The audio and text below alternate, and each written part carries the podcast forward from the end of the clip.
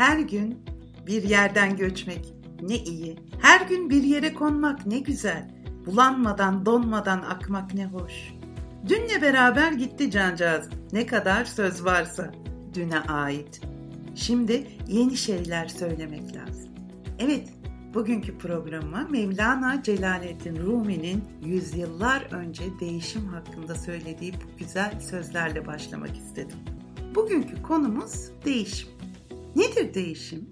Hayatın bunca hızla akıp gittiği bir zamanda bilginin sürekli katlanarak değiştiği, her gün yeni şeylerin ortaya çıktığı, insan beyninin yeni şeyler üretmekte zirvede olduğu bir zamanda değişmeden yaşayabilmek mümkün mü sizce? Ayak uydurmadan bütün bu olup bitene ne kadar ayakta kalabilirsiniz ki? Evet değişim en zoru. Çünkü insan hem geçmişe özlem duyuyor bazen veya geçmişin acılarıyla yoğruluyor, orada takılı kalıyor ya da gelecek kaygılarıyla uğraşıyor. Geleceğindeki koyduğu hedefe doğru yürümeye çalışıyor. Ve bütün bunları değişmeden yapmak mümkün değil. Tıpkı ilkokul 1'de gördüğümüz matematik dersiyle lise sonunda gördüğümüz matematik dersi arasındaki fark gibi. Çünkü öğrendiğimiz dersler bile bizim büyüdüğümüzü, değiştiğimizi varsayıyor. Peki sonrasındaki hayat okulu da aynı değil mi? O da bizim büyüdüğümüzü, geliştiğimizi varsaymıyor mu sizce? Karşılaştığımız problemler, yaşadığımız sorunlar, karşımıza çıkan insanlarla olan ilişkilerimiz hep daha büyümüş olduğumuzu, daha olgunlaşmış olduğumuzu varsayarak karşımıza çıkmıyor mu? Yaşadığımız sorunlar da bizler gibi büyümüyor mu? Peki bunlara ayak uydurmadan, değişmeden ayakta kalabilmemiz mümkün olacak mı bu hayatta? Evet, insan değişimi çok zor kabul ediyor. Hep aynı kalmak istiyor. Konforu yerindeyse ama bu iyidir. Bunun fazlasına gerek yok. Ben daha fazlası için mücadele etmek istemiyorum. Ben şimdi bu sorunlarla uğraşıyorum. Bunun dışında bir şeyle uğraşmak istemiyorum. Ben böyleyim, böyle kalmak istiyorum diyeniniz yok mu? Çok var. Ben etrafımda da görüyorum. Danışanlarımdan da sürekli bu konuda geri bildirimler alıyorum. Ancak şöyle bir durum var ki bir tek siz değişirseniz etrafınızdaki insanlar değişir. Başka birilerinin değişmesinden medet umarak yaşamak mümkün değil. Zaten böyle bir şeyin olması da mümkün değil. Yani ben aynı kalayım, herkes değişsin, herkes benim gibi düşünsün diye bir gerçeklik yok. Bunu büyümüş, olgunlaşmış, hayatta yediği darbelerden dersini almış kişiler anlamıştır. Hepimiz anlamalıyız zaten. Peki nasıl değişeceğim diye bir soru gelebilir sizden. Daha önceki konuşmalarımda aktarmıştım. Gelecek kaygımızı yenerek, geçmişle ilgili hesaplarımızı bitirerek, kaliteli yalnızlık dediğim kavramdan kendimize pay biçerek, daha hoşgörülü, daha hataları kabul eden, hem kendi hatalarını hem başkalarının doğru stres yönetimi yaparak ve hayal kurarak ve o hayal uğruna adımlar atarak biz kendi değişimimizi sağlayabiliriz. Zorlu bir yolculuk evet ama bunu yapmak da artık boynumuzun borcu.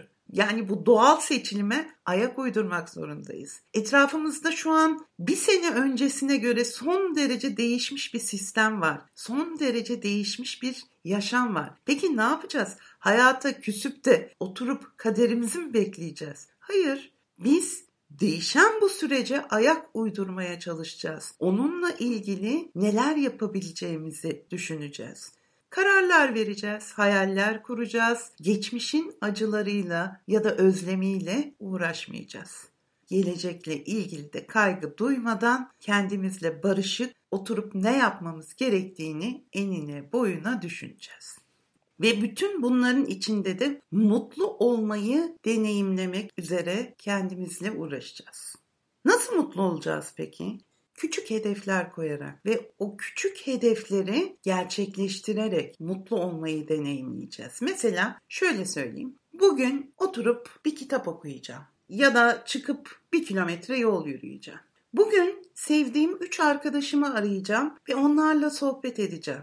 Evet bunlar küçük hedefler ama ulaşılması zor hedefler değil. Hedeflerimize vardıkça, onları gerçekleştirdikçe içimizdeki mutluluk duygusu artacak ve yeni mutlulukların da arayışı içinde olacağız. Etrafımızda olup bitenler, olumsuzluklar, duyduğumuz belki olumsuz haberler hayatımızın kalitesini kötü etkiliyor olabilir. Öyle zamanlarda da şöyle bir şey tavsiye ediyorum.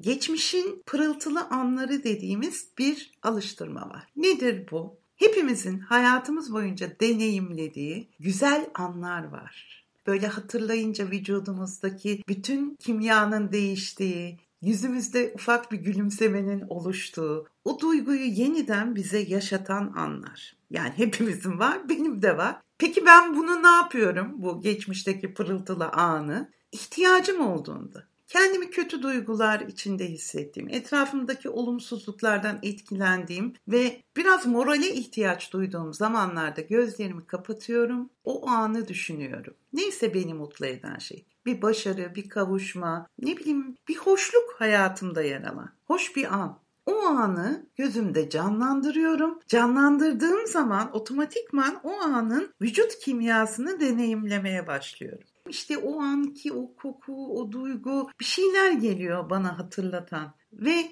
bütün modum anında değişiyor. Daha iyi hissediyorum. O anın etkisiyle kendimi daha güçlü, daha moralli, daha mutlu hissediyorum.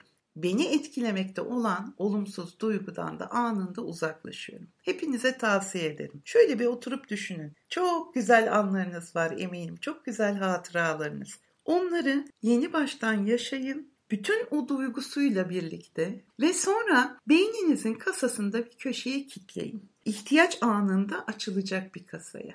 Ve yaşadığınız olumsuz durumda da koşa koşa o kasadan o anı çıkarın ve deneyimleyin. İnanın kendinizi çok iyi hissedeceksiniz. Moraliniz yerine gelecek. Tekrar yaşama sevinciniz tazelenecek. Zaten geçmişin en işe yarar şeyi o. Yani geçmişin pırıltılı anları.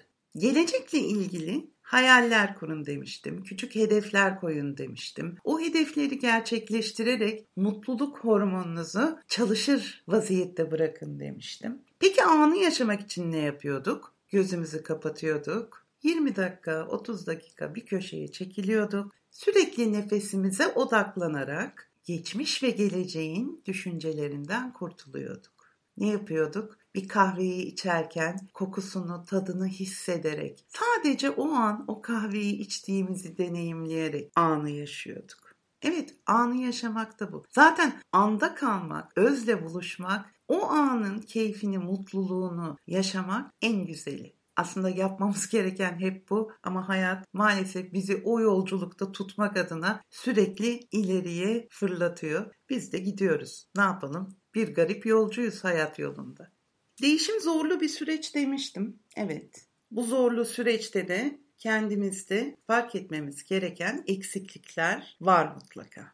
Mesela şuna dikkat edin. Gün içinde konuştuğunuz insanları dinliyor musunuz yoksa sadece konuşuyor musunuz? Bir kere bunu fark edin ve dinlemeyi öğrenin. Belki kaçırdığınız çok şey var dinlemediğiniz için. Günümüzde de dinlememek bayağı moda. Aman bu modayı takip etmeyin. Daha dinleyici olun. Daha az konuşun, düşünün karşınızdaki aslında size ne demek istiyor. Bu belki de birçok problemi aranızda oluşacak anlaşmazlıkları da engelleyecek bir durum.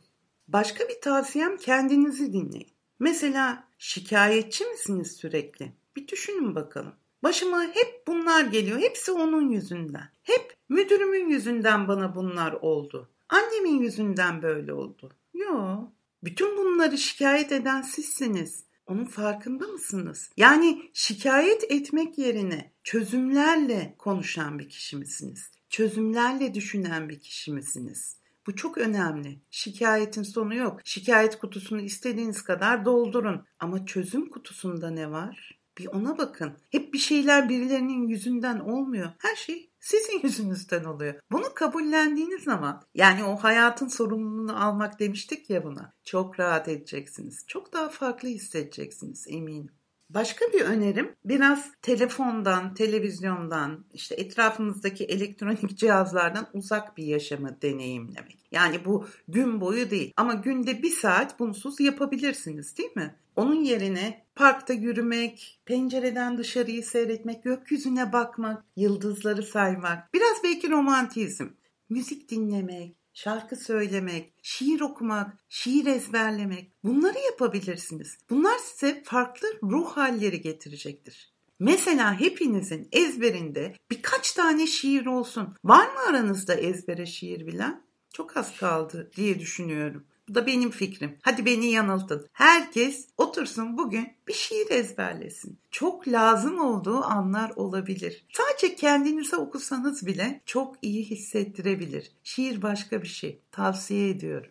Son önerim biraz zor ama bunu becerebilirsiniz. Yargısız yaşayın lütfen. İşte bu da zaten böyle. O niye böyle yaptı? O niye öyle davranıyor? Çok saygısız, çok hoşgörüsüz. Başkaları hakkında neler düşündüğünüzü kontrol edin. Hem neler söylediğinizi hem neler düşündüğünüzü. Onu yargılamak sizin hakkınız mı? Yani siz bu hakkı kullandığınızda karşı tarafa da sizi yargılama hakkını veriyor musunuz? Veriyorsunuz. Peki o aynı şekilde sizi yargılasa bundan memnun olacak mısınız? Hiç zannetmiyorum. O zaman kendiniz için yapılmasını istemediğiniz bir şeyi başkası için de uygulamayın. Gün içinde kimleri ne için nasıl yargıladığınıza dikkat edin ve bunu engellemeye çalışın. Başkaları hakkında yargısız olun. Çok konforlu bir yaşam. İnanın bunu uygularsanız çok mutlu olacağınıza, en azından günlük stresinizin azalacağına eminim. Evet, hayat kararlardan ibaret ve biz bugün değişim kararı alalım ve bu söylediğim birkaç küçük egzersizde uygulayarak hayatımızda bir değişim yaratalım. Bakalım neler değişecek? Bunları fark edelim.